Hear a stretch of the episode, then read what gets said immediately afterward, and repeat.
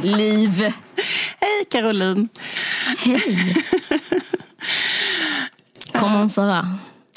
Eh, ça va bien, ça va très bien, merci. Eh, et, et vous? Jag niar dig nu, för jag kommer inte ihåg hur man säger. et tu? Et tu? Caroline? Bien, bien, bien, bien, bien. Eh, mm. Tu är dans Aftonbladet. Je suis au Aftonbladet, ici la studio de podd. Förlåt, vi slutar. Nej, okej. Nu är det här vår eh, Varje sak sin podd som är tillbaka. Japp. Det har gått två veckor sen sist. Japp. Och eh, vi tänkte prata om eh, en serie som inte är pinfärsk, men eh, den kom ändå. i somras. Ja, den kom väl i juni 2020? Ja. Ja. Och den serien heter I may destroy you. Och är skriven av Mika, Michaela Cole. Cole, inte Coen. Eh, Cole. Hon har tidigare gjort den här serien Chewing Gum om du såg den. Nej, jag har inte sett den. Detta var det första jag såg som hon har gjort. Det är så extremt intressant att hon gjorde den och sen så gjorde hon den här för att eh, den serien, Chewing Gum, jag ska bara säga snabbt om den, är mycket mer utifrån en position att en person ska skriva en serie. Men sen så eh, händer det någonting. Under det, alltså, när hon skrev andra säsongen av den, den var rätt så hyllad, lite rolig. Det handlade om en 18-åring som, eller handlade om, som en, om en ung kvinna som ville så, här, jättegärna bli av med sin oskuld. Och liksom verkligen så här, det var hennes projekt. Väldigt fiktionell om du fattar vad jag menar. Typ en, en idé. Så låter den serien. Ja, men när hon höll på med den serien så fick hon vann två Emmys för den, äh, två Bafta Awards. Alltså British Awards for Film and Television. Ja. Eh, blev hyllad hej och hå. Hon var 28. Då skulle hon skriva en ny serie. Eh, En ny säsong. Och då så var det lite skrivarkramp och då gick hon ut och tog några bärs. Och då så blev hon eh, Drogad. Henne, drogad. Det föranledde... Och våldtagen. Och våldtagen. Ja. Ja, precis. Det där vi pratade precis om hur mycket spoilers ska vi säga. Ska vi, um... Nej, men detta är hennes biografi. Detta är hennes biografi. Okej, förlåt. Då. Den, den, den står ändå på... eh, Liksom, eh, den, den kanske hon säger i en intervju. Nej, men Ja. alltså, detta, är, detta är precis det, det är hennes egen biografi. Precis. Okej, men jag ska bara säga vad jag tycker om spoilers, bara som en parentes.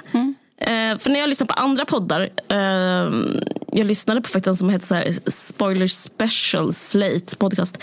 Fast och sen så lyssnade jag på eh, också, nej, Alex och Sigge tror jag hade pratat om spoilers som en gammal film. Kanske om de pratade om spoilers när de pratade om Inception. Hur som helst. Eh, jag tänker alltid så här, när de är så här, men gud får man säga det här? Då tänker jag så här, men fan alla kan fucking dra åt helvete med sina spoiler, sin spoilerrädsla. Stäng av nu om ni, vill, om ni inte vill höra mer. Ja. Jag, jag, kan inte, jag vill inte att curla våra lyssnare så. Jag tror det blir fe, en fel, en destruktiv relation mellan oss och lyssnarna. Om Jag, vi ska... tror, jag tror att, ehm, att man kan göra så att om man absolut vill ha spoilers då kan man spara detta avsnittet. Man kan titta på hela serien och sen kan man lyssna Ja. på detta. Så kan man ja, göra. så, ja, för att, för att jag, Och, eller om man inte bryr sig inte så mycket som- så kan man lyssna först. Ja, exakt. Men, men nu har vi sagt det som en slags varning. Då, men eh, om, om jag ska hålla tillbaka så kommer liksom inte passionen fram. Så, att, så, så är det med det. Ja, men jag förstår. Det, och sen Ja, är den rätt så gammal, serien. Så att jag menar, om den hade kommit igår så hade det varit en sak. Men den har faktiskt funnits sedan juni. Ehm, Ja. Men ehm, det du höll på att berätta om hennes egen biografi. Hennes drink got spiked, ett nytt ord jag lärde mig. Mm. Eh, att det betyder att man... fan heter det på svenska? när man Spetsad. Får, spetsad, ja precis. Ja, men, ja. Eh, och sen så blev hon våldtagen och sen så handlar resten av eh, eh, serien om det här. Exakt. i tolv avsnitt. Hon har skrivit allting själv. Hon spelar huvudrollen själv. Hon regisserar själv tillsammans med en co-regissör som heter Sam Miller. Ja. Men jag tänkte på det här med liksom att, ehm, att en tv-serie kan vara så voice of a generation. Eller liksom att jag så här provade att tänka på den här tv-serien som en arvtagare i liksom en slags tradition av så här, det här är en tv-serie som definierar liksom vad det är att vara en tjej just nu. Eller typ eh, en kvinna just nu eller något sånt där. Mm. Och typ att, eh, eller att jag tänkte på den som liksom eh, den, den, den tv-serien som liksom definierar samtiden liksom mest just nu. Eller typ just så här, vad, vad, är en kvinna? Eller vad är det att vara kvinna? Eller vad är ett kvinnoliv? Eller whatever. Liksom. Uh, typ för att... Um, och så, mm. Eller för jag tänkte på så här, uh, Sex and the City på 90-talet. Mm. Eller mm. Den, den slutade ju 2004 tror jag, sändas Sex and the City. Mm. Och ser den som liksom ett exempel på någon som har haft en så här otroligt så här populärkulturell impact på att liksom, vad ska man säga, berätta och förmedla liksom vad liksom hur det är att vara en, en kvinna som bla bla bla. Och sen eh, liksom, mm. nummer två är liksom Girls som gjordes av Lena Dunham mm. som handlar om detta. Och sen så att detta är liksom eh, vad ska man säga, fortsättningen eller liksom den tredje generationens mm. här... Eh, tredje vågens, tredje vågens kvinnoserie. kvinnoserie. Ah, jag vad du menar. Mm. Eh, och att det finns liksom vissa så tydliga likheter. Till exempel att alla tre de här serierna handlar om en författare. Alltså huvudpersonen är en kvinnlig författare. Mm.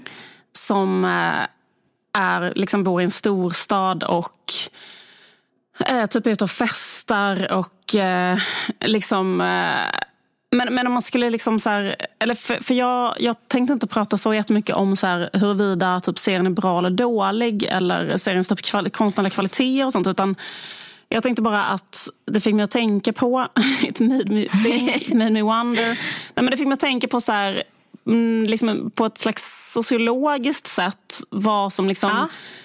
definierar ett kvinnoliv. Eller liksom vad, eh, vad är, vad är typ, vad är frigörelse kanske?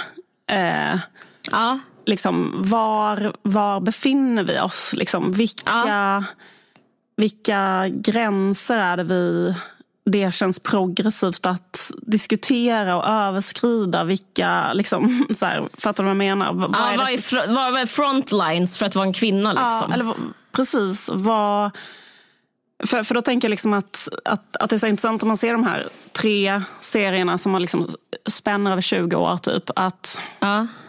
liksom, vad som ansågs progressivt i Sex and the City eh, mm. var liksom att så här, kvinnor kan ha en eh, så här, eh, sexuell lust på samma sätt som män. Typ. Att så här, eh, liksom eh, vad, vad, ska man säga, kanske lite det här um, ta bort dubbelmoral kring kvinnlig och manlig sexualitet kanske. Att så här, eh, kvinnor... Det var väl egentligen att kvinnor var kåta. Ja. Att det var liksom deras eh, underrubrik.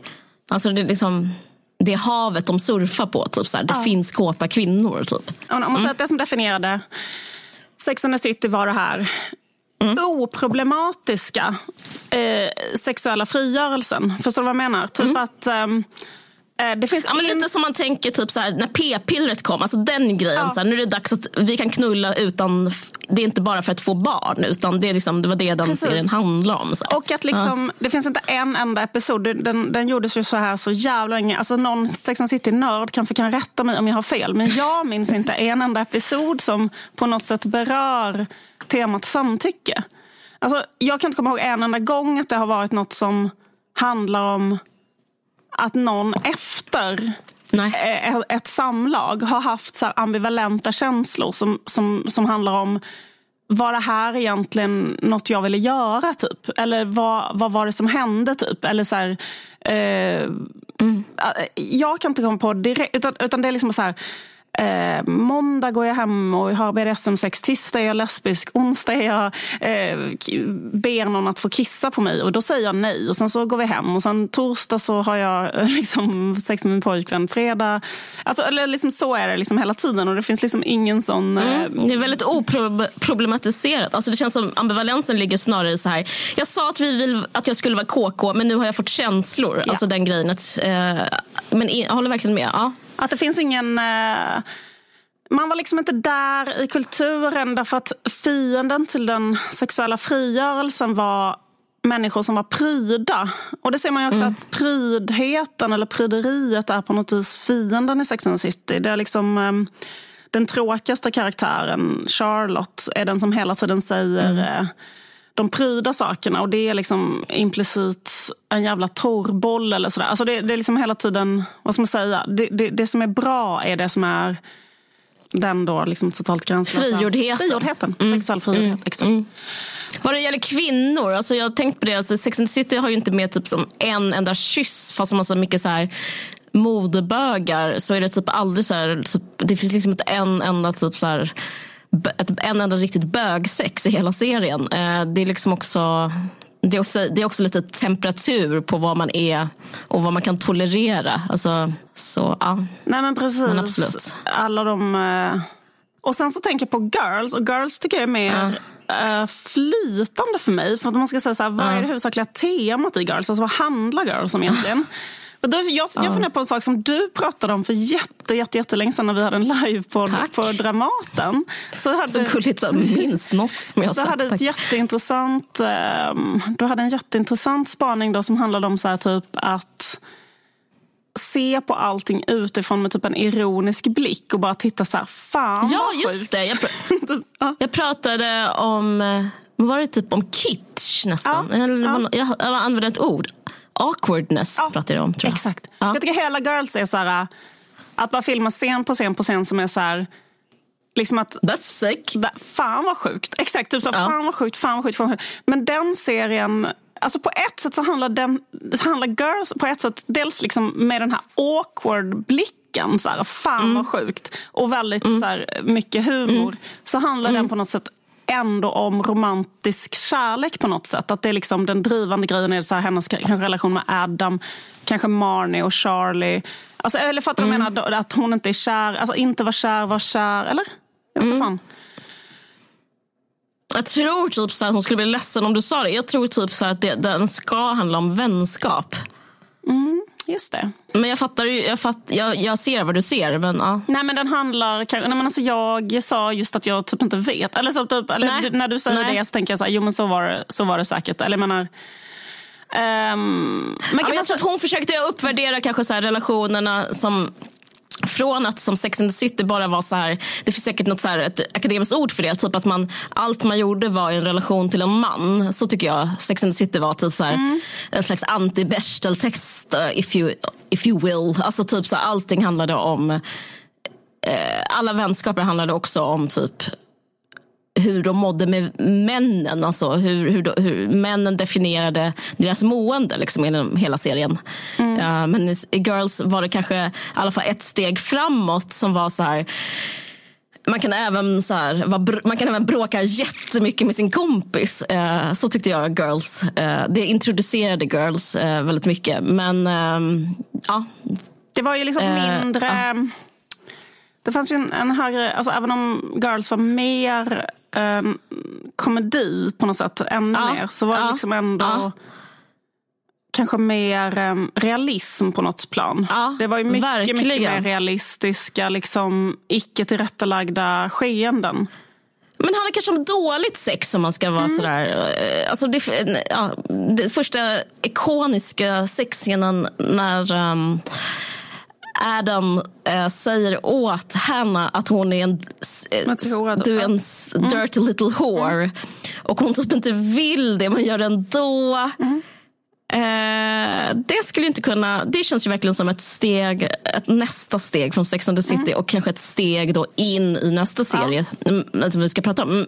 Men, men, den har ju allt det du säger, så den har ju så komiska ins... Det är så här, jag, tycker det är väl, jag börjar skratta när jag tänker på den. Men den är ju också typ att hon är så ägd av honom eh, på det så här kärlekssättet som du kanske menade, så här romantiska kärleken. Så det är därför hon håller på och säger så här, jag ska absolut jag ska absolut gå med på att säga att jag är en, jag är en liten hora som vill ha daddy eller vad det nu är. Liksom. Precis, men det känns som att då uh, kanske de sakerna var väldigt uh, Alltså typ att det kändes otroligt så här, omskakande att se något som inte mm. var tillrättalagt. Ja. Uh, och att se kvinnor framför allt som kanske inte agerar rätt enligt vad liksom, du vet, någon, mm. någon tycker eller hur man borde mm. känna eller se ut mm. eller eh, mm. göra. Eller liksom, att det på något sätt var mer... Eh, ja, eh, som kändes nytt kanske med den serien. Men mm. eh, men, om vi bara, men om man bara ska säga det här, liksom, vad, vad säger det om liksom, eh, om där vi befinner oss nu? Eller vad är mm. så här, den sexuella frigörelsen för någonting? Eller mm. vad är det att vara en kvinna? Vad är det att vara en tjej? Mm. Så liksom, det som sker i den här serien I may destroy you. I may destroy you är att hela serien handlar om bara om eh, samtycke kan man säga. Mm. Alltså, det är liksom, eh, eh, liksom den sexuella frigörelsen genom samtyckets lins. Liksom. Ville du det? Ville jag det? Vad är rätt? Vad är fel att göra? Liksom, mm. Är som en sån, verkligen, eh, det är handlingen helt enkelt. Och det finns inget för liksom Girls handlar det inte om samtycke faktiskt heller. Därför att, alltså jag menar som den saken du beskrev, att hon mm. eh, säger jag är en eh, hora som har blivit såld av mm. min pappa. Och så, alltså jag vet inte vad det är. Liksom. Mm. Hon måste säga sådana mm. saker för att han ska kunna bli kåt, hennes kille. och sen så mm. blir det liksom att de blir ihop och de har en jättefantastisk kärleksrelation. Och, alltså, jag menar att de blir ihop på det sättet. Och det är mm. inte i serien någon, det ligger inte någon um, det Ingen frågar så efter om det fanns ett trauma här nej, någonstans. Det kastar liksom, liksom ingen skugga nej. på deras relation. Nej, alltså nej, att, att det började nej. så. Eller liksom det, det, det är ingen... Eh, men ingen, hon själv frågar inte sig så här, hur mår jag egentligen nu? Nej. Utan det är bara så här, yes, en, ett steg i rätt riktning för att så här, bli ihop. Mm. Och att liksom, uh. när de blir ihop så liksom blir det en otrolig då, kärlekssaga. Som liksom, eller hur? Mm. När de verkligen blir ihop där så är det som något sånt avsnitt mm. som är bara sån total lycka och det finns liksom ingen... Mm. Det är inte negativt alls att hon har så att säga gått över sina egna gränser eller gjort saker som inte hon ville. Eller, alltså det liksom har inte lämnat några spår i deras relation. Nej men precis. Sen tror jag att hon en skulle kanske tycka ja. det nu. Men eh, alltså, Lena Dunham skulle kanske beskriva det annorlunda nu. Men jag tycker bara det känns som att eh, det känns som en trend eh, hur man ser det. Alltså kulturellt. Typ så här. Man betraktar mm. det på olika sätt kulturellt. Och nu är vi inne i mm. den här fasen där vi betraktar det så som det betraktas i den här serien. Då. Ja, men vad skulle du säga?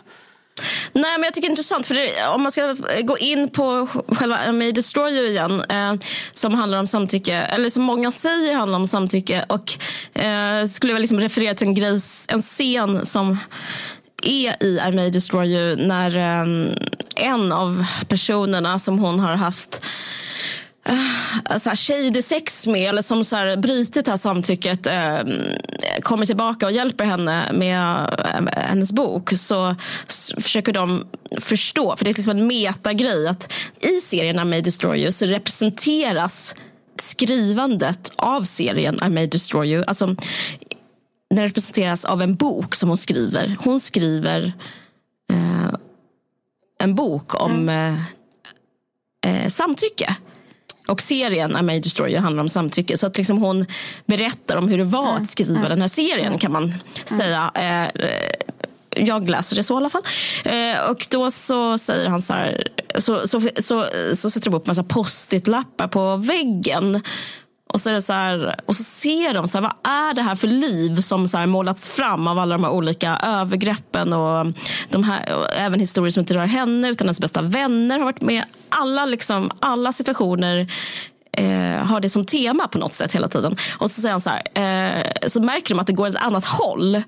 Eh, och det tycker jag nästan, alltså jag tycker det är så spännande för då säger han så här, I thought you were writing a book about consent. Då sa, säger hon så här, so did I. För jag, och sen så bara hörde jag en, en intervju med henne som den här tidningen The Economist gjorde. Och så pratar de ju om det här, så här is this about consent? Och liksom The Economist är så här rätt så konservativ. Eller, eller jag vet inte om den ska vara så här jag, jag, jag, tror till en rätt så konservativ, lite så liberal tidning. Som, och, och, så hon, hon, som intervjuar gillar typ inte riktigt att den är så fri och att det är så mycket konsent och att det är så här, why do you typ do this, all, this call out culture, bla bla bla. Men då säger Michaela Cole som är uppvuxen så pratar hon så här, yeah, it is about consent men typ en grej som jag förstod efteråt, som jag också tycker finns i serien, som jag tycker är intressant med Consent, och liksom, apropå vad den handlar om, att den också handlar om responsibility. Och det tycker jag är så intressant. Det, det, det, det tog jag vet inte, för just det här med konsent så blir det som, det blir något, finns något så här präktigt över det, eller nästan temadrivet. Eh, men det kanske finns med ansvar också. Men hon, det hon sa så här, så här men eh, intervjuaren frågar så här, men till exempel varför har du en scen där du eh, callar out en våldtäktsman inför en publik? Är det verkligen någonting som du stöder? Vill du verkligen liksom att så ska livet vara eller inte vara? Då, säger, då säger, svarar Michaela Cole så här, ja, men, eh, jag förstår vad du menar, det finns offer i en sån situation. Men då menar hon inte att offret är han som blir outcallad utan att offret är den som callar out. Och det tyckte jag var eh, också så en ny grej som man inte skildrats innan. Att, att i den här grejen, så här, om någon har brutit ett konsent så, så, och så vill man säga så på sociala medier eller liksom i ett tal eller liksom någonstans i en bok. Eh, han där är en våldtäktsman. Och så, men det som följer då är hur känns det för den som säger det? Att det finns liksom också någon grej Eh, men det kanske är konstant, men det finns också en grej så med sig själv. Den personen eh, blir nästan dubbelt bestraffad. Alltså jag tänker på hur det har varit i Sverige typ, eh, och med metoo-rörelsen. Alltså det är såklart man tänker på sådana grejer. Liksom.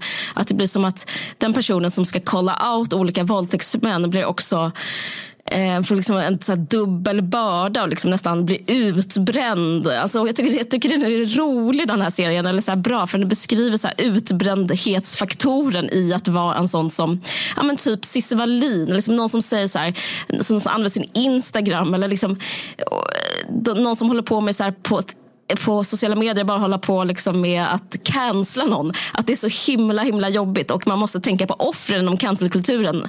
Och det, det menar då eh, Michaela Cole att det är inte de olika våldtäktsmännen utan det är typ alla de här offren som först blir våldtagna och sen så eh, nästan liksom har det som ett obetalt heltidsjobb att hålla på med den här grejen för att de vet inte hur de ska lösa sitt eget trauma. Mm, liksom. mm. Uh, och på det sättet så är det liksom, det är också en del av så ansvaret i sex på något sätt. Alltså, och det ansvaret har man mot sig själv. Och, eh, för hon, eh, för, till skillnad från kanske vad man eh, jag vet inte om jag har inte läst så mycket, men det som skillnad till vad man kan tro är att den här serien handlar typ om så här, ja, konsent, typ, så det är synd om tjejerna och killarna är dumma.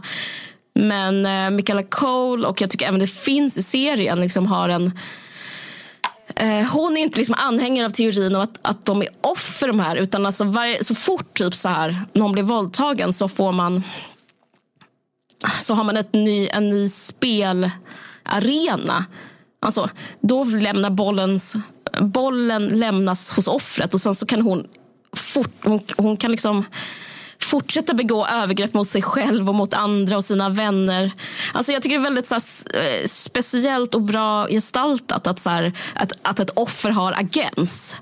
Um, ja, jag vet mm. inte. Jag, för, mig handlar, för mig var det nytt och det kanske liksom, det var det jag tog med mig av den. Apropå så här, vad handlar den om? Så skulle jag, gå med, jag går med på att ah, den handlar om konsent men den handlar också om ansvar. Vilket är en rätt så ny diskussion i metoo-debatten. Precis.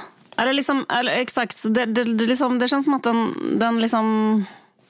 Den beskriver, liksom, eller den, så här, den gestaltar på något sätt en slags... Eh, så här, en slags liksom, senmodern, otrolig... Alltså, vad, vad moral är i kapitalistisk ja. Eh, senmodernitet. Och jag tycker inte det är någon vacker syn, så här, men det är liksom vad det är. Det gestaltar det som vi ja. alla lever i. Liksom. Och liksom, det är så här, jag tycker det, alltså för att det, det som gestaltar i den här, liksom, eller tycker jag när jag ser den, att hon blir så här ja. jävligt deprimerad av den, tycker jag, eller känner sig så kvävd av den. För att den är så här, ja. den är liksom som att den, eh, den, den gestaltar ju hur moral fr från att ha varit eh, för jag tänker så här, om det som liksom Sex and City gör upp med, det är liksom kanske en slags mm. patriarkal, lite så här, kristen konservativ moral som kanske säger att man ska vänta på den rätta eller liksom, fattar du menar, ligg inte med någon på första dejten eller don't put out eller vad det nu kan vara. Så säger de istället, jo vi kan visst put out. Eh, vi har samma kvinnlig orgasm, kvinnlig orgasm finns. finns. bla, bla, bla. Kvinnor har exakt mm. samma sexualitet som män, hit och dit. Vi nu liksom mm. kör vi. Mm. Sen så är det bara så här, men det som så de liksom säger bara så här, nej till den moralen. Men sen så liksom det som har hänt med moral är liksom att från mm. att moral på de här områdena har varit så här, mm. en monolit, typ, eller vad det nu heter. liksom en, eh, alltså det har funnits så fruktansvärt tydligt vad som är rätt och fel. Alltså det är så här, när det gäller sex ja, och, en, ja, men det har varit så här, det var fel att... En moral. Ja, det funnits en moral som alla har vetat mm. om. Och den kanske har varit så här, det, det är fel att vara eh, inte vara oskuld när du gifter dig. Alltså, eller det är fel. Alltså, så mm. har det varit jättemycket. Men sen, liksom så här, och sen har det gått vidare till att säga, men det är inte så här. Och sen så bara nu så har vi liksom, lever vi i en tid som jag tycker gestaltas så otroligt bra i den här serien.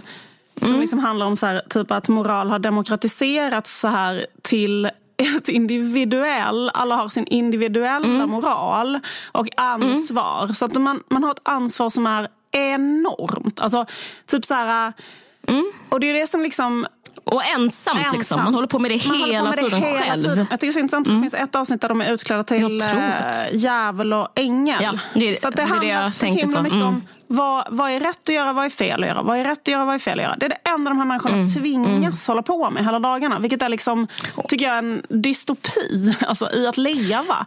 För att det handlar bara ah. om hur jag ska vara, vad jag ska göra. Vad jag ska. Men, men, men det, det, liksom, det beskriver ah. någonting som är så här eh, att det, det, är liksom att om, om man innan kunde titta i en spegel och där fanns ett svar som var så här, detta mm. är fel. Till exempel, det är fel att vara bög, kanske den spegeln sa. Eh, eller mm. liksom någonting. Och, men nu, den här serien är som att man har så här tagit den spegeln och smubblat sönder den och nu ligger det mm. ett kaleidoskop av skärvor. Uh. Där du kan titta i uh. varenda skärva och titta uh, vad är rätt, vad är fel, vad är rätt, vad är fel, vad är rätt, vad är fel. Liksom hur, nu gjorde jag någonting rätt. Alltså, jag kan bara säga som en ex, exempel som är bara en kedja av händelser. Hur hon beskriver detta är till exempel att mm. hon har inga pengar. Därför så gör mm. hon reklam för ett Instagramföretag som är veganer, som heter Happy Vegan. Då, då liksom eh, gör hon reklam för att få pengar. Sen Eh, fast hon är inte vegan egentligen, utan hon älskar kött. Eh, mm, sen, just, hon pratar om att isarna smälter och sånt sen, där. Ja, så, så, det är liksom steg ja. två. Och sen steg tre är att det visar sig att de har rekryterat henne bara för att hon är svart. Och då har de fått få dem mer pengar. För att, eh, så att det finns liksom, mm. de är rasister. Eh, sen, sen, så säger, sen säger hon med sina svarta kompisar, då säger de att eh, klimatförändringarna är eh, liksom, ett sätt att vara kolonial och säga vad svarta människor i tredje världen ska göra. Sen slutar det med att hon, mm. alltså, så att det liksom blir så här, liksom, alltså förstår du så här, och sen så slutar det mm. bara med så bilder på, hur, alltså, sen så gör hon en prank mot de här rasistiska veganerna. Mm. Eh, mm. och liksom kollar out dem. Och sen slutar det med bilder på att isarna smälter. Så det är liksom ah, personligt ansvar, personligt ansvar, personligt ansvar, personligt mm. ansvar, personligt ansvar. Liksom, och, och det är så här, alla människor gör mm. rätt och fel hela tiden. Och det finns också såna väldigt symboliska bilder när hon går hand i hand. Hon är en jävel och går hand i hand med sin kompis som är en ängel. Alltså, så de liksom går bredvid varandra hela tiden. Och, alltså förstår du menar? Att rätt och fel samexisterar hela tiden i en sån jävligt stor torktumlare. Eh, mm. av liksom, det, är, det det jag tycker det säger om, om vår tid. Liksom. Alltså hur, mm. hur det, när det här moralen ska, är liksom totalt demokratiserad. Och det, det, man, det är liksom som att det man ska göra är liksom att typ eh, men jag tänkte på det där med, eh, apropå det där när hon ska göra reklam för det veganföretaget. Mm. Att eh, en sak som, eh, Anette går och tittar på den här serien överhuvudtaget. Alltså, om du, det, din beskrivning av den håller jag med om att den är så. Men, det, men jag tycker inte att den är så, eh, jag tycker ändå inte att den är så, jag tycker den eh, inte är bara så kanske jag ska säga. För, att det, för jag såg det som ett väldigt stort, uh, vad ska man säga, nästan som att hon hade en stand-up comedy-rutin i hela det avsnittet när hon pratar om uh, när de pratar om så här veganska företag eller så klimataktivism. Alltså, för mig är det väldigt så här, driven, ett drivet skämt. Alltså, jag, tyckte, jag skrattade väldigt mycket. Alltså, det finns väldigt mycket humor försöker jag säga i det här. Alltså, så att hon inte hon håller ju inte på, hon är inte, hon håller inte på som en sån modern präst utan hon håller på och eh, skämtar kring det här eh, på olika sätt genom att så visa upp det. Och Det tycker jag så här påminner lite om, om girls. Alltså så här, eh, the awkwardness och typ så här, eh, skrattspegelgrejen. Mm. Att så här, det är bara kul att kalla eh, klimatrörelsen en vit rörelse. Det är bara kul liksom, för att det är så. Liksom. Det, det, eh, men, men sen så hon själv, det, hon är privat så är hon en jättestor klimataktivist. Så alltså att hon är så väldigt så här hon är på alla sätt hela tiden. Hon bor till exempel, jag läste den här intervjun, att hon bor i så här, lägenhet där allting är byggt av återvunna material. Alltså, jag tror att hon är så här, håller själv på med att så här, försöka göra rätt hela, hela men tiden. Det är det men hon är så här, det är det ja. jag känns som en kvart. Ja. Jag tycker det känns, det lyser igenom ja. när hon berättar. För att hon, liksom, ja, att, jag tycker det med. Att, att hon liksom är en så här moralisk... Men hon är för intelligent typ. Ja, Men hon vet för mycket. Alltså jag tycker ja, typ exakt. Här... Eller, eller, fast, jag, fast jag upplever liksom att, eller så här, fast, det här mm. är inte min, fast det är verkligen inte min utopi. Alltså förstår du vad jag menar? Hon kanske Nej. är liksom, eller så här, men, eller för att det, det som jag tycker är bra i serien det är att mm. det gestaltar en, en mm. form av press som uppstår mm. i ett senmodernt samhälle när eh, en allmän moral är avskaffad. Eh, och när mm. det just gäller sex. Den blir individuell. Är, ja, exakt. Och när det gäller sex mm. Eh, då, som är tema i den här serien, liksom, och att vara typ en kvinna som ändå har mm. sex med folk. Då handlar det om att, så här, att man måste liksom... Eh, alltså målet är mm. för varje individ. Det är liksom, istället mm. för att säga så här, det, det, finns allmänna regler för alla måste göra så här. Och det är inte bra mm. att det mm. fanns sådana allmänna regler. Det är inte alls det jag säger. Det var inte alls bra. Men det uppstår en ny Nej, typ av konstigt problem som är så här, typ att mm. man måste hela tiden ha regler och procedurer för att säkerställa mm. att individens liksom, fysiska och psykiska autonomi respekteras hela tiden och liksom, eh, att, att, ens, att man kan kontrollera, att man, att, att, att man i varje situation har kontroll och autonomi i sina sexuella möten.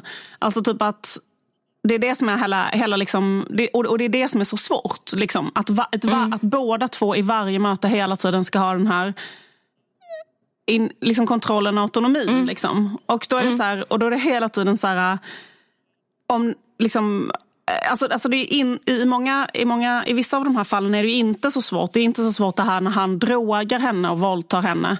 För det är mer tydligt. Nej. Men jag tycker vissa scener liksom visar det så fruktansvärt tydligt. Jag tycker liksom en av de bästa scenerna tycker jag var när hennes kompis eh, är i Italien och eh, mm. blir så här uppraggad av en kille och sen kommer den killens kompis och det, liksom, det ena leder till det andra. Det slutar med att hon tar med två killar upp på rummet och har liksom sex med båda två.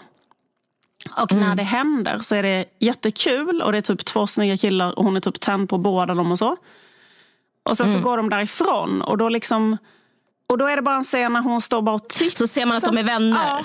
Och sen så ska hon vara med i en feministisk skönhetskampanj. Det tycker jag också är jättebra beskrivning. Mm. Och då säger, frågar de henne, vad är det mest befriande du har gjort? Och då säger hon så här, uh, i had a threesome once. Alltså, för att det är liksom för det, för, det, för det är väl frigjort att liksom ha en trekant med två killar. Men sen är det så här, fast det kändes inte bra för henne. Det är liksom, eh, och, liksom, och den ambivalensen, att, eh, att liksom mm. porträttera det. Att dels är det mm. någonting som ska framställas som något härligt och frigjort i en slags feministisk skönhetskampanj. Och för det andra så är det liksom... Ett trauma? Ja, eller, eller eh, eller är det det? Alltså, för att jag, menar, eller så att, ja, men jag tycker det är intressant. Man vet för det som det heller yttre bilden. Att det lämnas väldigt öppet. Att hon bara står där. Och sen så är det så här... Eh, alltså det kan lika gärna vara hennes mest mm. befriande upplevelse som hon nämner. Och det kan också vara något hon behöver gå i en support group för.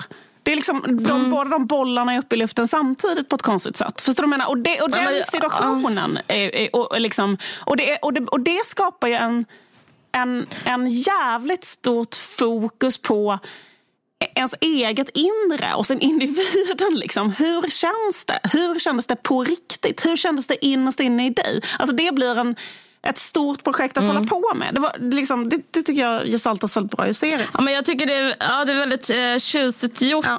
För jag tycker det som gestaltas är också, förutom så här, det innerst inne man känner, håller med om det, så är det liksom som den yttre berättelsen ja, men nästan som, eh, hon har en sån monolog som typ låter som en poetry slam reading som hon har för sina redaktörer. Och, och då så pratar hon om det, typ så här, vi är generationen som måste bli sedda, vi måste bli fota oss. Vi måste, alltså det finns en sån grej som är så här, att ha trekant ur typ en viss lins, eller så här, kameralinsen. Eller så här, ursäkta att jag låter nu fånig, men typ så här Instagram-linsen. Ja. Liksom, eller så, här, så, så betyder det någonting. Men så här, nio avsnitt senare så, kanske, ja. så vågar personen känna efter. och vara så här, Men för mig så är det inte som på bild. typ.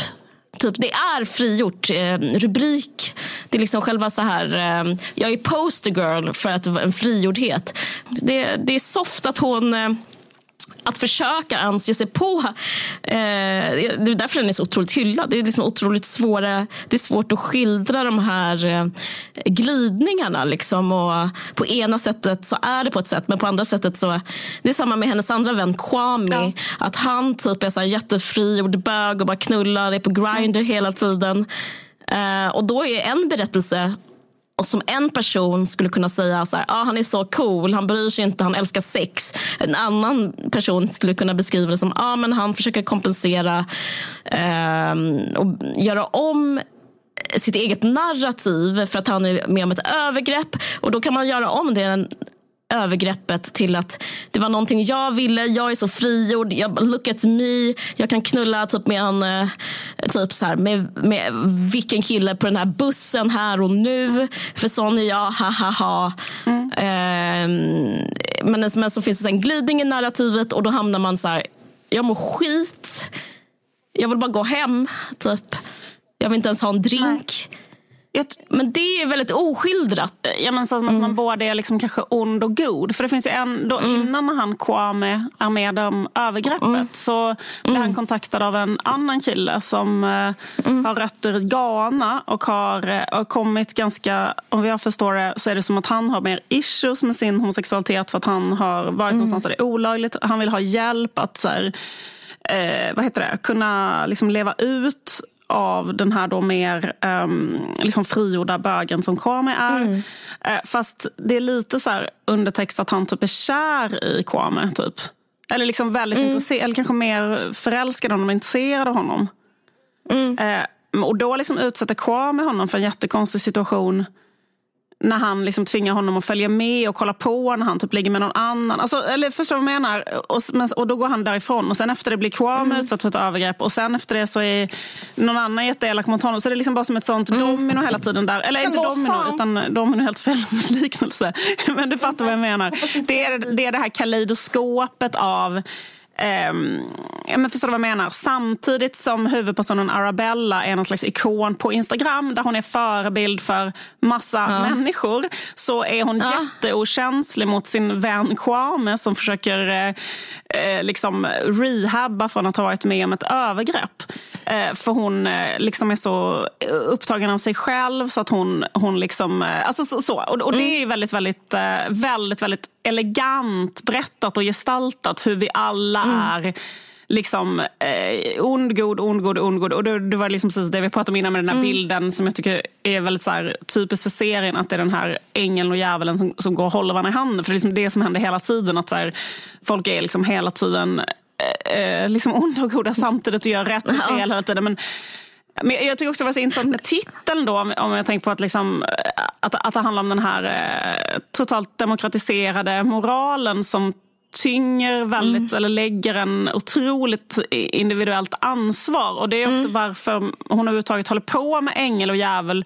är ju för att hon eh, på något sätt eh, vill göra rätt Liksom. Så det finns liksom en, en, en, ett, ja. ett, ett, Hennes biografi är ju att hon, är krist, att hon var extremt kristen. Ja, hon hoppade av college.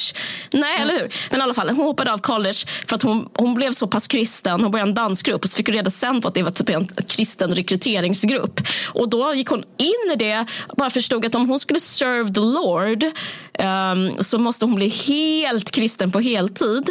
Och blev, eh, liksom, hon konverterade hej och hå. Uh, men sen så började hon uh, med poetry slam. Mm. Uh, det heter något annat. Det finns ett nyare ord för mm. det där. Jag vet inte. Stand up, whatever. Ja. Man står på en scen och säger poesi. Ja. Och då så var, skrev hon så här för bra dikter. Liksom. Mm. Men allting var så här... Ehm, eh, hon kunde så här Bibeln utan till. Och kan, Man kan tänka sig att det blir rätt så här effektfullt. Att man står där typ så här... My Lord wants me to... Alltså typ mm. så här. Och då blev hon upptäckt av en dramaperson och en person som sa jag kan ge dig dramalektioner på... Eh, jag kan ge dig det gratis. Och sen sökte hon till en typ Lon, Englands bästa scenskola. Och då var hon den första svarta kvinnan som kom in det var fem år sedan det kom in en svart person där när hon kom in. Alltså, typ så så att henne, hon är liksom sådär... Eh, jag vet inte. Jag, eh, men, overachiever men också extrem, men också en sökare. Och jag tycker så här, Det märks så jävla tydligt, den här sökandet efter så här, frågetecknet. Och de hör, det finns ju en scen, alla som ser det här, nu har vi sagt för att spoila. Det är en scen när hon knullar med en person som så här, drar ut kondomen. Och så säger han så här, jaha, jag trodde du kände det. Och då är hon så här. Eh, nej, jag kände inte det. Äh, det gör ingenting. typ. Sen läser jag på nätet så här, om någon drar ut kondomen under samlag så är det ett så här, brott mot... Eh, ja, det räknas typ, som det lagens mening som en våldtäkt. Ja, eller inte samtycke. Ja, mm. och, och, jag tycker det så här, stämmer väldigt mycket med hur serien eller hur hennes liksom, arma hjärta fungerar. Så här, aha, om hon har fått reda på att den här regeln finns då ändrar hon hela sitt beteende efter det. Alltså från att inte typ, så här, känt sig våldtagen så blir hon våldtagen. Och med den eh, liksom, kunskapen följer ett ansvar och då måste hon berätta för världen om det här. Och då måste hon hjälpa andra som blivit våldtagna på samla, eh, liknande sätt. Och så är hon så här, ehm, väger hon världen på sina axlar mm. igen. Ja, men, äh, men att liksom är, jag, upplever liksom att hon inte riktigt vet. Eller, alltså det är också såna, inte för task mot alla kristna, men det är också sådana människor som så här, måste ha en gud på det så övertydliga Absolut. sättet. Att vara så här, Nej, men verkligen. Uh, för det finns liksom en... Uh, till skillnad från Girls, där jag... Sen blev ju Lena Dunham uh, också väldigt, på sitt Instagram och senare i sin personliga biografi, mer sådär, om man kallar det att vara Eh, typ normativ, sitt skapande eller vad det nu heter. Liksom att man, man vill föra fram någonting som man upplever som sant. Liksom. Så, så var mm. ju inte Girls så mycket så, tycker jag, från början. Att det just inte var så. Alltså att de lämnade mer öppet för eh, liksom där rätt och fel var inte två jätte... Ja, men det var väl att det handlade om en person som gjorde fel? Det var väl det ja, som var behållningen? Exakt, men, men rätt och fel var inte två mm, jättestora... Liksom, vad heter det? De, de fanns inte med som två jättestora grundpelare i berättandet. Alltså, för mm. Här upplever jag att det mm. finns två ben och det ena är rätt och det andra är fel. Och de två benen är hela tiden... Det är de två benen det här står på. Liksom. Eh, rätt, mm. fel, rätt, fel, rätt, fel, rätt, fel, rätt, fel. Så här. Men rätt och fel var inte så stora aktörer i Girls. Liksom. Det var inte Nej, det det handlade om på samma sätt. Liksom. Men jag undrar om man kan liksom hänföra det till någon slags white privilege också. Alltså, förstår jag? jag tycker det finns en annan grej med den här serien, if I may mm. continue, som, är, som handlar om en metagrej som är att hon gör inte ett enda fel ur en Nej, vet. äh, synvinkel nej. heller. Att hon är, hon är, hon är fläckfri. Jag vet, hon är så himla duktig på att berätta. Så att hon kan, det är ingen som helst kan, ingen kan säga någonting om så här, det där borde du ha tagit före det här. Alltså, för det finns inget sånt nej, säga.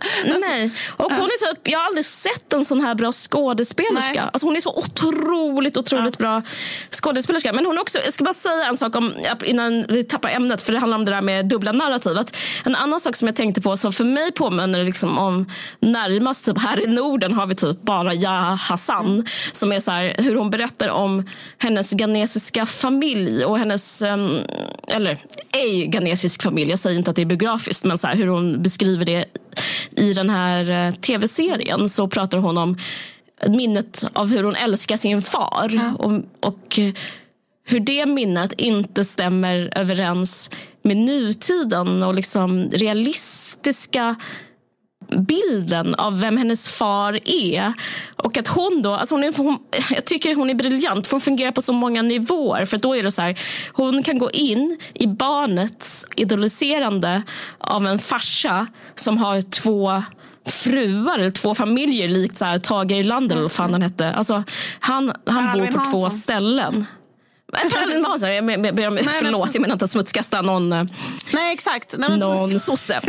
det fanns det, en svensk statsminister som hade två familjer ja. samtidigt och ingen brydde sig om det på den tiden. Nej, men exakt, ja, precis. Ja. Nej, och så, så tycker jag, det, hur hon berättar om sin ja. uppväxt så är det typ så här, ja, eh, som liten flicka så, så satt jag typ och väntade på min pappa han kom och han höll alltid vad han lovade. Det är, en, det är ett narrativ. Mm. Det fanns en annan kvinna där en moster, en faster, who cares? Jag skiter väl i henne, jag, jag älskar min far.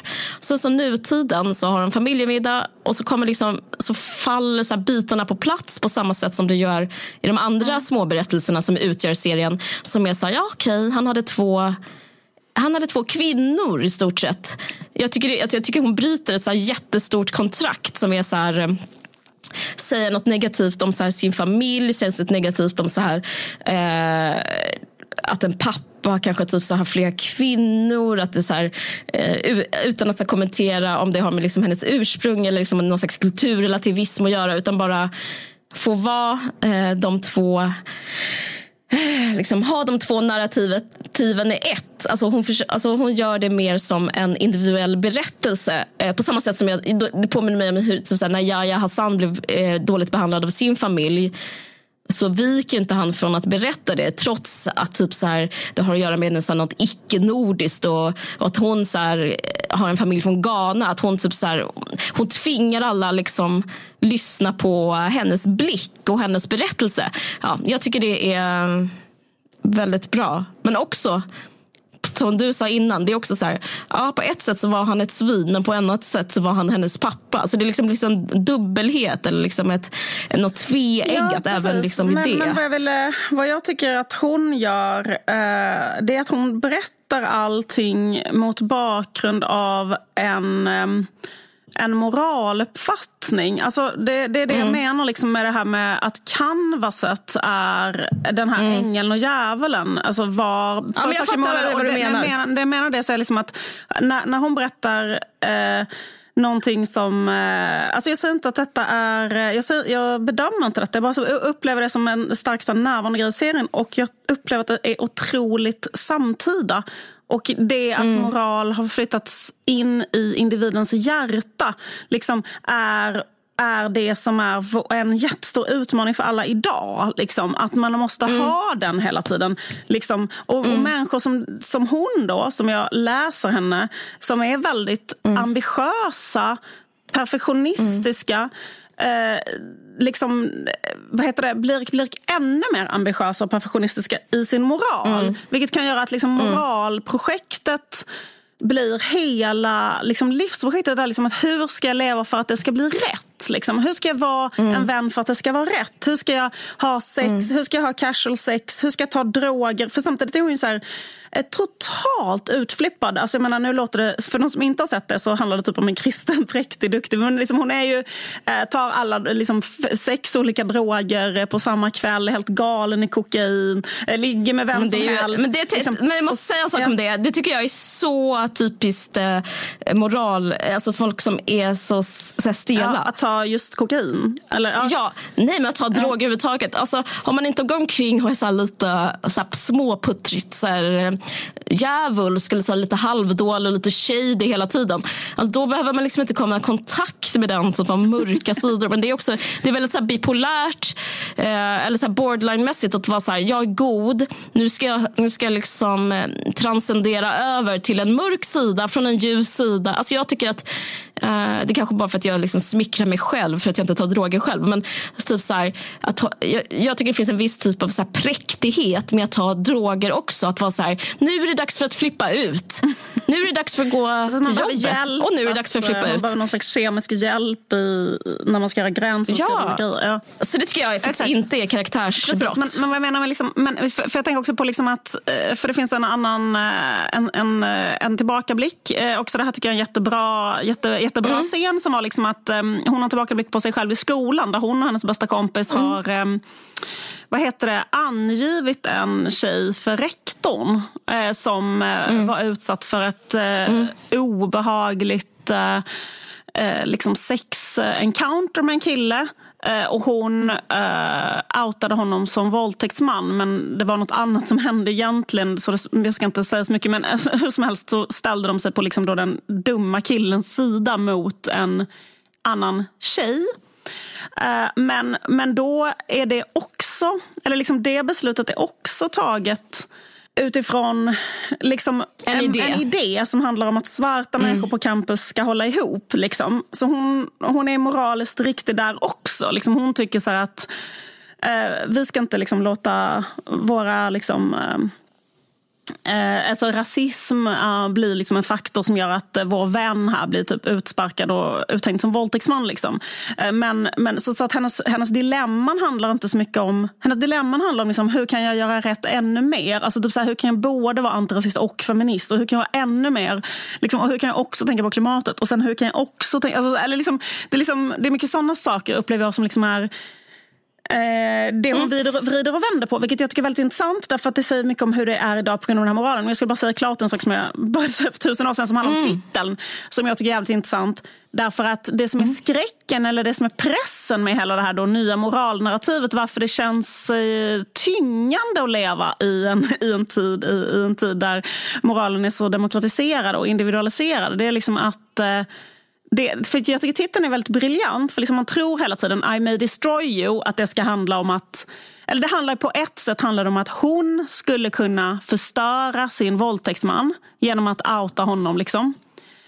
Eh, men mm. det handlar också om att våldtäktsmannen eh, har det hotet mot henne. Liksom, I may destroy you handlar lika mm. mycket om att han på något sätt, hans övergrepp mot henne hotar att förstöra henne. För det handlar om hennes trauma mm. mycket.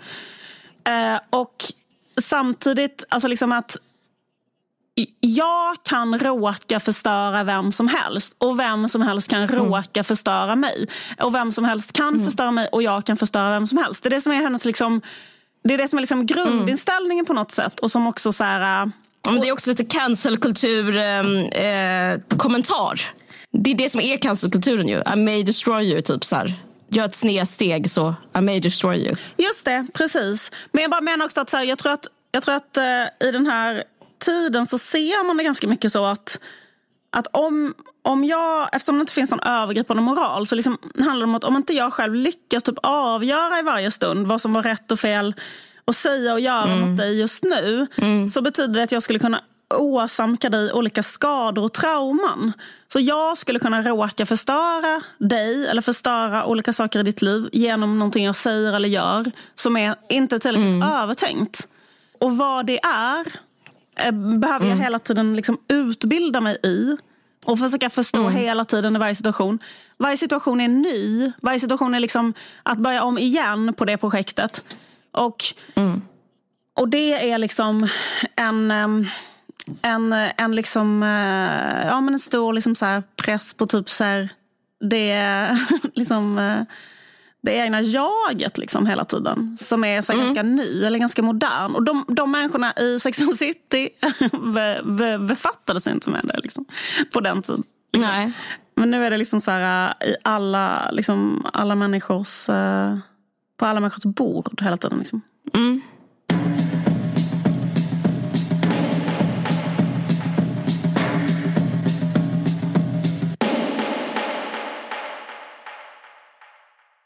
Jag läste en intressant essä om den här uh, tv-serien som med titeln I may destroy you is perfect TV for an anxious world.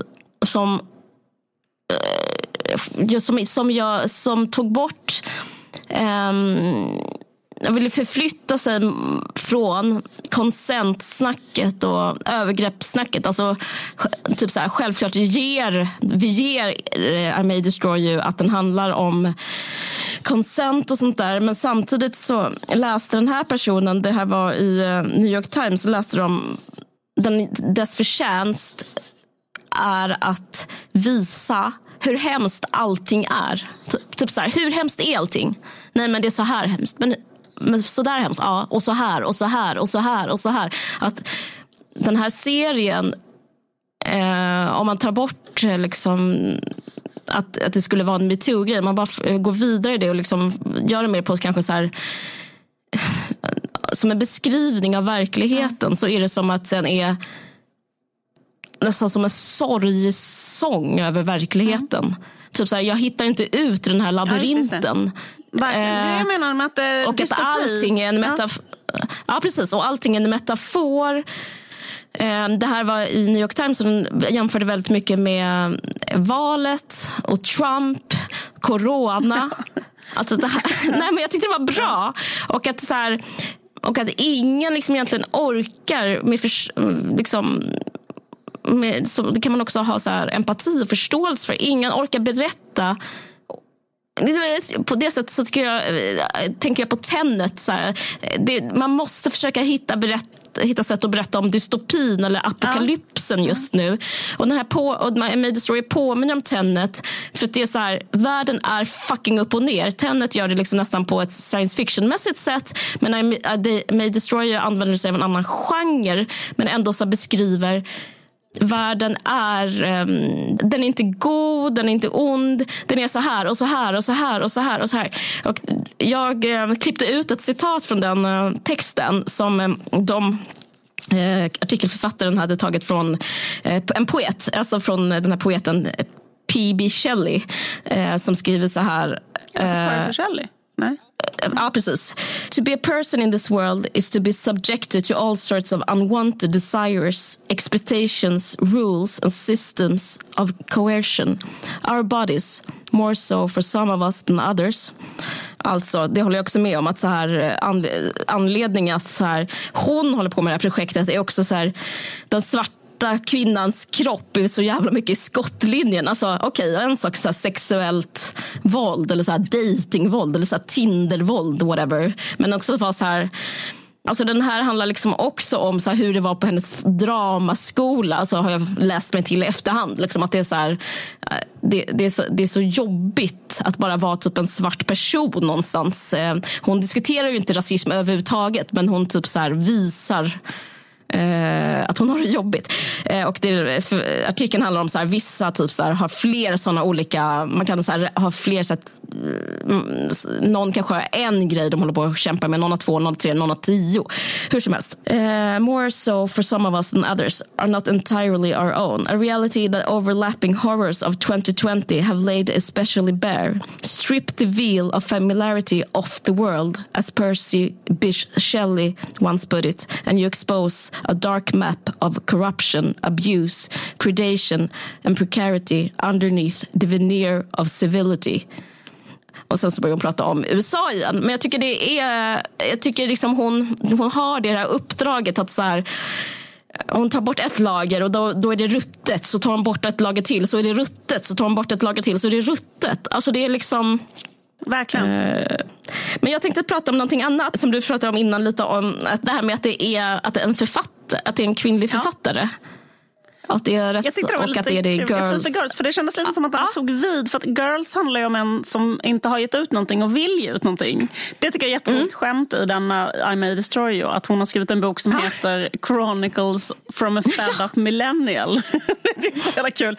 Men ja, det jag skulle liksom säga. Att jag känner mig så, det, eh, ta på mig den här hatten. Och jag känner mig så sedd av det.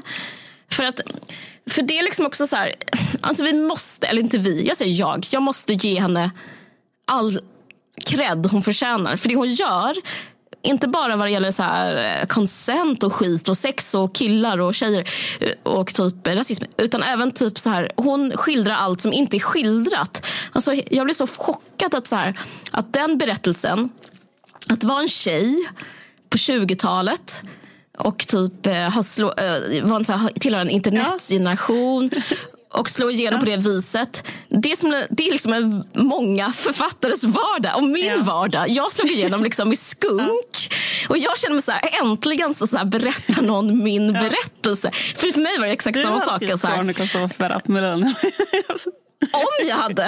Om jag hade. Och då så vet du, jag blev kontaktad av eh, Modernista förlag för, för de hade läst min skunk och så ville de ge ut min bok. Och sen så blev det en boken Naturen fast det blev sen på ett annat förlag. Alltså jag älskar att så här, det får finnas plats. Alltså så här, hur jobbigt det är att ha ett förlag, hur jobbigt det är att ha en agent. Det kanske är väldigt smalt men jag tycker typ så här, det tar, att ta den platsen med eh, typ den kvinnliga erfarenheten. För jag, jag inbillar mig att den, det är typ en grej att vara så tjej och hålla på med så konstnärlig verksamhet. Och hålla på med så olika jättar på det viset. Jag känner mig så otroligt mycket. Och det är väldigt så LOL när man träffar så olika förlagsbossar och, och så vidare. Och så vidare. Hur som helst. Nej, men jag tycker en som inte, eh, det var bara skämt åsido, det var inte det jag skulle prata om så mycket om. Men, nej, men jag tycker det är intressant för en sak som jag skulle vilja jämföra Lena Dunham, Girls skapare, Fleabag, Phoebe Waller-Bridges som har gjort den. Uh, Insecure, uh, vad fan har jag glömt? Issa Rae heter hon. Uh, de här tre uh, det, jag, nu har jag rätt, för att tre exempel utgör en trend. Right? Ja. Nej, men alltså, jag skulle säga att med de här tre serierna som har kommit på sista tiden, tio åren, jag tror Girls kom 2010.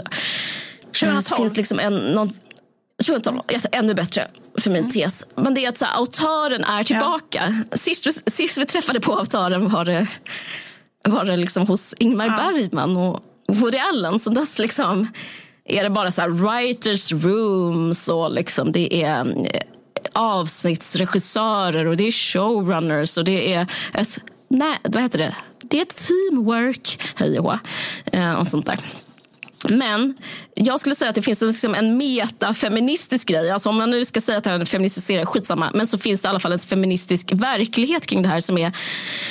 Nej, inte feministisk. Jag skulle kunna ett kvinnoförtryck, en kvinnoförtryckande verklighet. Men jag tycker det, det som det säger att autören är tillbaka, det är inte liksom att så här, äntligen så har det blivit jämlikhet i filmbranschen. Utan det som säger är så här... Eh, för jag, jag, jag är också autör. Alltså, jag gjorde juicebaren gjorde allting själv och nu gör jag den här serien och gör allting själv. Och jag vet exakt hur det är. Och eh, det finns en um, annan regissör som heter Ava DuVernay. Och jag såg en, jag såg eh, en på SVT hade de så här kvinnlig, typ Women and Film, typ en sån dokumentärfilm. Ja, då pratade hon så här, ja, men, eh, när jag gjorde min första när jag gjorde min första film så fick jag nästan inga pengar. Jag var anställd som manusförfattare. Men typ regissören var helt ointresserad av det. Så att jag gick in som regissör. Producenten var helt ointresserad av vad jag gjorde. Så jag gick in som producent. Vi hade ingen castare, så det gjorde jag. Vi hade ingen location scout, så det gjorde jag. Uh, vi hade ingen uh, liksom smink. Och, alltså, hon gjorde allt, allt, allt, allt, allt. Men alltså, det största den största passionen, alltså anledningen till att hon gjorde det var att hon ville göra sin film. Och, och grejen är att jag skulle säga liksom i det här, innan man börjar så slå sig för bröstet och säga att vi är äntligen en jämlik värld, är att jag upplevde, vad jag har förstått av Michaela Cole och vad jag har förstått av Lena Dunham och också Issa Rae, att så här, de har gjort, skrivit allting, de spelar själva och de har regisserat allting och de har också delvis producerat allting. Bara för att alternativet är Alltså det, är så, det är snarare en brist på typ att det fortfarande är så ojämlikt. För att om de inte hade gjort det så hade det typ antagligen inte blivit någonting. Och just det, Phoebe Waller-Bridge samma sak.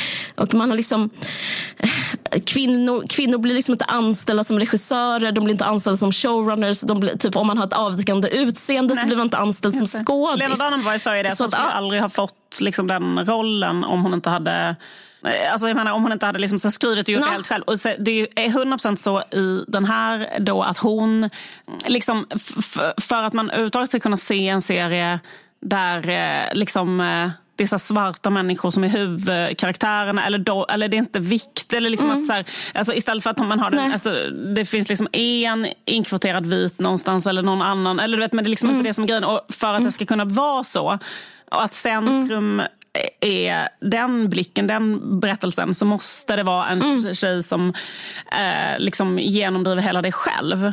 Eh, så, som i detta ja, fallet. Precis. Liksom. Och man måste jobba mycket mer om man är där som en konstig mm. gränspolis som så här, så här, håller på och vaktar om sin egen så här, konstnärliga mm. verk. Alltså, och man, eh, hon sa ju nej till en Netflix-deal mm. och det var liksom inte, alla är så åh vad coolt, hon sa nej till pengar. Men det var inte därför. Det var för så här, då skulle de kunna, då skulle de få konstnärliga veton.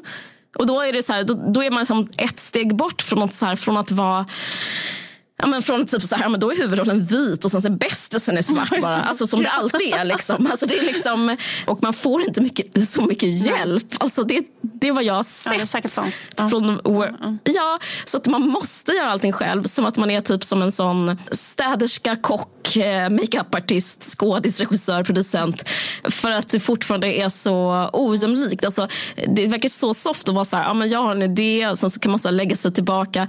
Så här, ja, men så här, vara säker på att någon annan kommer så producera fram det, projektleda fram det, typ eh, kasta fram det. Liksom. Och sen så kan man hoppa in kanske och regissera som Max. Men, all, men det är så extremt eh, intressant att de här, alla de här kvinnorna gör allt själva. Alltså det finns liksom inte en roll de inte gjort själv. Alltså det, alltså en funktion menar jag. Uh, ja. Det blir nästa det, steg. Jag bara... blir att liksom det, ska, det inte ska liksom behöva vara lika mycket så. Men det är extremt imponerande vilka, liksom, vilken, så här, vilken sjuk liksom, super över, nietzscheansk övermänniska hon är. Alltså, hur Nietzsche ja. skulle beskrivit en övermänniska är ju hon, verkligen hon Michaela Cole. Jag vet, men jag tror att det handlar också om eh, en slags rage eller en slags aggressivitet som är så här Alltså, själva projektet att ens göra en tv-serie i den här världen, i den här branschen, är ju liksom, kommer från en slags trots eller en sån önskan om slags, det kan inte vara så här sjukt ojämlikt som det är. Alltså det, är liksom, eh, det är liksom också en egen privat kamp. Det vore intressant att se typ en serie som handlar om det. Men en annan sak som jag tänkte på som den här seriens förtjänst, för jag vill liksom ändå hylla den, det är också bara att hon orkade göra den. Att hon liksom för första gången kanske någonsin i typ väst och öst och alla ser. Alltså att det här är första gången i världen alltså den svarta kvinnan inte är... Alltså att hon bryter mot tropen bästisen. Alltså den svarta bästisen. Ja. Och jag bara tänkte räkna upp hur många, alltså, några serier som mm, har den. Filmer. Ja, just det. Mm. New Girl. Jag skrev Condoleezza Rice. Hon är, inte, hon, är inte, hon är inte fiktiv, men hon finns i alla fall där som en sån. Uh, Renee, Alle McBeal. Paret i Scrubs, som är så ett par som är bästisar med de vita. Uh, Clueless. Absolut. Djävulen börjar prada. Mm.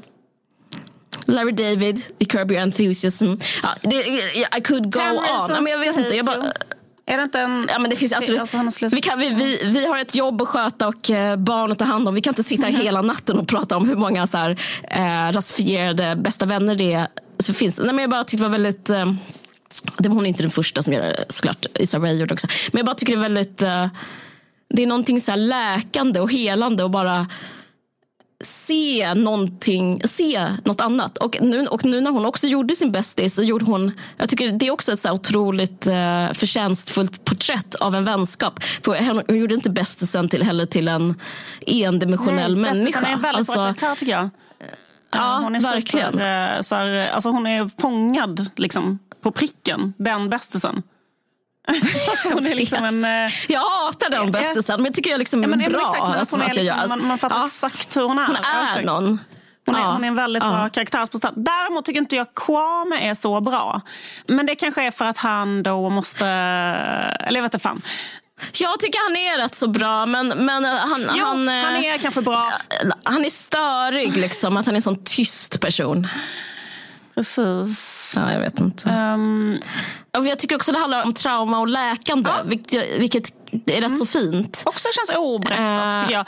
Eh, oberättat. När hon liksom sitter där på, jag tycker det är en jättebra scen uh. när hon sitter och, eh, på uh. bussen och liksom eh, mumlar så här, affirmationer för sig själv för att inte liksom, få total panik och bryta ihop. Typ att hon försöker säga mm. så här, mm. det är krig i Syrien, det är krig i Syrien. Alltså, så här, för att liksom bara, nej, men jag har kanske mm. inte det värsta som någonsin har hänt. Det finns människor som har det värre. Alltså, typ sånt som man kan, och sen så liksom är det... Mm. Alla har inte en smartphone ja, ja, säger hon också. Det är, det är väldigt så bra. Exakt. Men, men, sen, men, men att eh, jag tyckte bara den scenen var så bra att hon sitter och mumlar där på bussen. Ja. Och sen är det en ja. Eh, person bakom som liksom så sträcker sig fram och tittar lite. Som att ungefär, vad är det där för ja. kuf? Eller så här. Och, och, och det, det tyckte jag var så ja. jävla bra. Att bara eh, visa den där grejen när man, när man är så Alltså att trauma Nej, inte det passar så, in ja. i uh, samhället. Nej. Alltså typ att du blir en outcast för att du mår så dåligt. Alltså du, aha, eh, du, ja. du, liksom det går inte att vara någonstans när man, när man mår så dåligt. Alltså typ, den där grejen tycker jag var jävligt fint. Nej. Ja, berätta, fortsätt. Ja, det var fint. Nej men det jag skulle säga var så, som också väldigt uh, hatten av. Är att så här, det hon gör för mig är att så här, se in i framtiden lite. Så här, för att vi befinner oss precis nu så här, med uh, metoo och, liksom, uh, och det är som att det hon gör är så att enda vägen fram. Hon, hon tror att hennes läkprocess uh, för det första tror hon att om, man bara, om, de bara, om polisen bara hittar den här personen eh, så kommer hon bli hjälpt. Eh, och sen så när polisen inte hittar våldtäktsmannen så får hon en kris men sen så, det, det, är lite så point of no return i serien. Men sen så, eh, she has to return. Annars, eh, alternativet är att hon begår självmord. Så då, hur ska hon leva då post att hon inte hittat mm. våldtäktsmannen? Och då finns det ju liksom den här rörelsen som hon beskriver jättebra. Som är slags gräsrotsrörelse. Kvinnor på internet som förenas i så communities. Som tar saken i egna händer. Och så försöker hon med all sin kraft bli en del av den rörelsen, blir en del av den rörelsen och till och med en så här spokesperson för den rörelsen. Men frågan är, som jag tycker är väldigt fint att våga ställa, så här, vad hjälper? Typ hjälper det att ha så extremt många följare som gör vad man säger, att få alla de här hjärtanen Eh, och på ett sätt så hjälper det. Alltså, första hjärtat känns väldigt bra. Alltså en like på, på att man har, som bekräftar hans trauma. Men sen, sen så beskriver den här kvinnan i den här, alltså Arabella, hur vad hon upplever Eh, så går liksom ah, eh, de gestaltningen, så här, eller vad heter det, formen för I may destroy you uh, fungerar så att det handlar mycket om fantasi och så där. Så ibland så får man så här fantasibilder. Och vissa fantasibilder liksom laborerar med hämnd väldigt mycket, med aggressivitet, med typ så här öga för öga, ett, en ö, ett öga för en öga, tand för en tand. Som är så här, nu ska jag fucking typ så här våldta dig eller nu ska jag så här um, förgripa mig på dig, jag ska förnedra dig. Eller att lyckas, eh, och få, tankar man kan ha. få honom att säga förlåt. Det här tycker jag är så himla bra. Ja. Också hur upptagen man kan vara av någon som har kränkt ja. en. Och så här, fantasier kring ja. så här, upprättelse och hur den upprättelsen skulle kunna gå till. Och så här. Tänk att knäcka honom så pass mycket psykiskt så att han ber om ursäkt. Han ja. kanske berättar, han kanske blir en bättre människa. Han kanske, det sådana fantasier har hon ju också. Det är han som är offret. Att han kanske kan så här, komma fram, ja. hon kanske kan få honom att så här, sluta våldta kvinnor. Alltså du vet hela det här. Ja. Ja, nej, precis. Ja, men det ska ja. säga att hon, att hon mm. laborerar med så olika mm. scenarier där hon kommer ut som en vinnare mm. och eh, han är förlorare istället för verkligheten där han har förnedrat henne och hon, och han, uh, hon är en mm. förlorare. Liksom. Uh, men jag tycker det är fint och modigt för att jag upplever att hon sviker ett community när hon, säger, när hon, när hon då i den här anledningen varför den här serien inte blir så jävla präktig. Men att hon typ inte låter den fik det fiktionella slutet vara så här. Och sen hörni, sen bara fimpar jag honom. Jag fucking dödade honom. Alltså det skulle vara att eh, svika um, verkligheten. Men det skulle vara så att eh, berätta en kärlekshistoria för alla överlevare av eh, sexuella trakasserier, våldtäkt och så vidare. Sexuellt våld. Men, eh, men det, det jag menar att hon ser in i framtiden är så här, men det kanske Alltså hon har så mycket empati för den här personen, hennes egen huvudperson Arabella. Att hon är så här, vad skulle ge henne frid? Och det är typ inte att hämnas.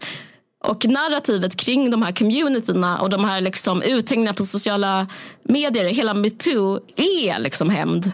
Så jag tycker det är rätt modigt att vara så som du beskrivit och jag håller med dig om det. Liksom att den här, försöka hålla så här moralfanan högt. Men ändå så våga... Hon hissar den i topp. Ja, ja, ja man skulle kunna beskriva så. Säga, Nej, men jag, tycker, okay, mm. jag känner med att, att, att, det inte var så. Jag känner så att hon bryter mot hon um, kontraktet som är så här, the survivor-kontraktet. Alltså hon bryter, med så här, Rose McGowan mm. whatever. Alltså hon bryter med så här det var inte så här vi skulle göra. Vi skulle ju vittna i fucking rätten. Men hon är mer så här, jag vill inte ens gå till rätten längre. Typ.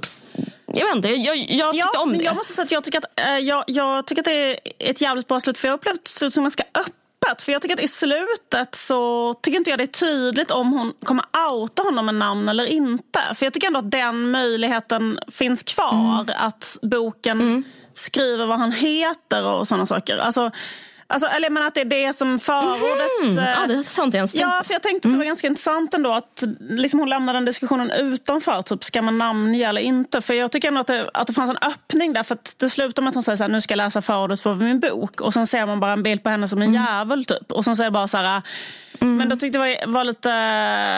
Eller jag, jag tyckte ändå att det fanns en öppning för att så här, kanske börja hela boken med att säga så här. Den mannen som våldtog mig heter David McBla bla bla och han var på den här baren typ. Eller något sånt där.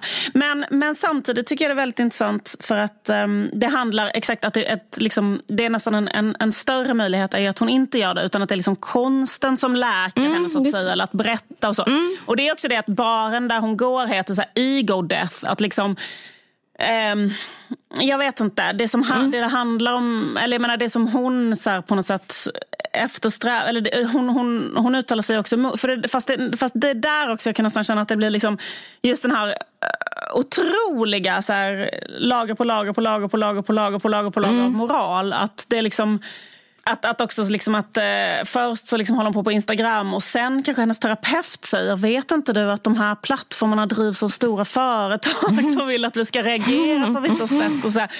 För, för liksom, eller jag vet inte, så, att, så att hon, hon, hon vill verkligen ha med allt. Liksom. Eller jag menar, hon har med allt. Mm. Eh, så här, eh, Fast, fast, fast jag håller helt med att det är jätteintressant att det handlar om trauma och hur eh, trauma liksom läks och eh, vad, liksom, vad är en väg som är bra för den som har utsatts. Liksom. Alltså hon, hon tar ju liksom verkligen den utsattas parti. Liksom. Ja precis. Min, min version funkar inte om hon har det som förut. Men jag tror inte hon har det. Alltså, jag, tror, jag tror typ så här... Uh, bara att vara helt så tyst och själv är typ svaret. Uh, alltså ett slags antiklimax-svar. Men, men, men, ja, men jag läste det också. Alltså, hon uh, typ så här, för hon själv stod igenom så på, på Twitter och sånt. Men hon har så självklart inga såna appar själv. Alltså hon är verkligen så här... Mm, hon är så bra mm. på allt. Alltså hon, hon, har, hon bor i sin eh, miljövänliga mm. lägenhet och har inte någon... Har Nej, inte Insta. Har inte liksom. så jävla kul.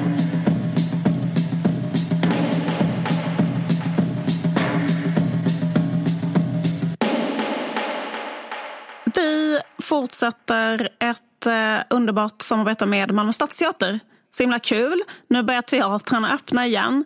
Fan vad trevligt. Eh, från och med 18 september så kan du eh, lyssna på den här podden få ett specialpris på en underbar uppsättning som sätts upp just nu på Malmö Stadsteater som heter Sidonie och Nathalie eh, baserad på Sigrid Kombersens roman. Eh, och det handlar om två kvinnor, två liksom omaka kvinnor som tvingas eh, bli vänner eftersom de är på flykt.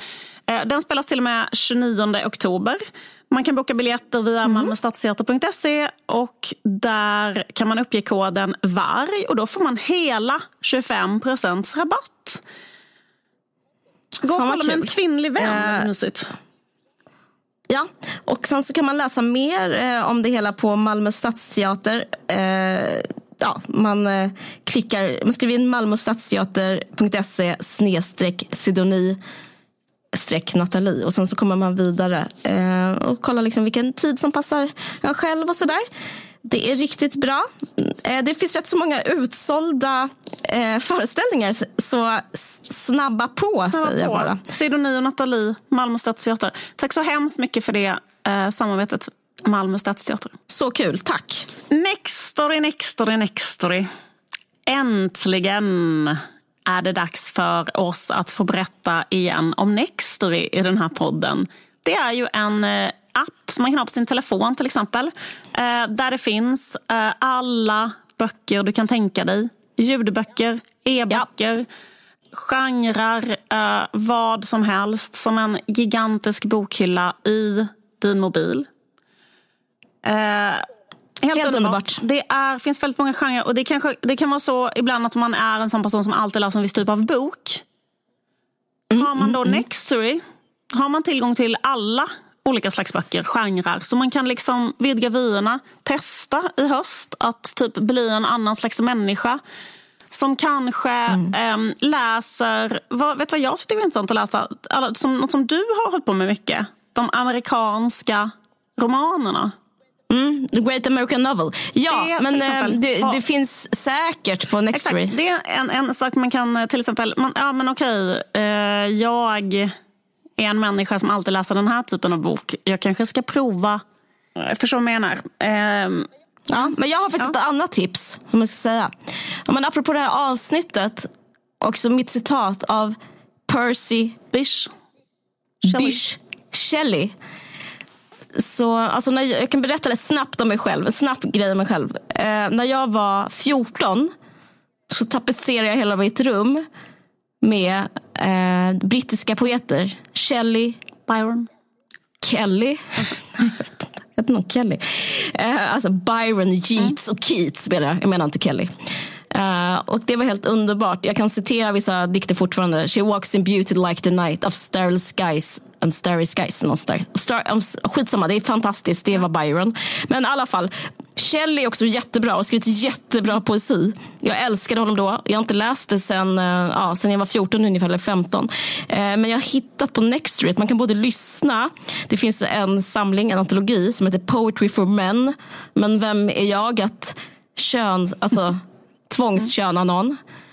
Så det kan lika bra vara för Poetry för alla. Uh, så den heter så här, Poetry for men who thought they'd never like poetry. Den skulle jag vilja tipsa våra läsare om. Och sen så vill jag också tipsa om en kanske banal bok för vissa, men jag tror inte det, som heter The Romantic Poets. Och det är med Byron, Shelley, Keats och Yeats.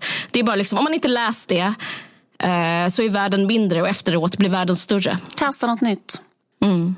Det är fantastiskt. Och jag är jätteglad för att Nextory bara finns där och kan uh, hjälpa oss att Precis. få göra det här. Och vi Så, har, ja, ja, men har vi någonting? Har vi, något? Har. vi har ett fint erbjudande till uh, alla nya medlemmar. De har möjlighet att testa mm. Nextory i 30 dagar gratis.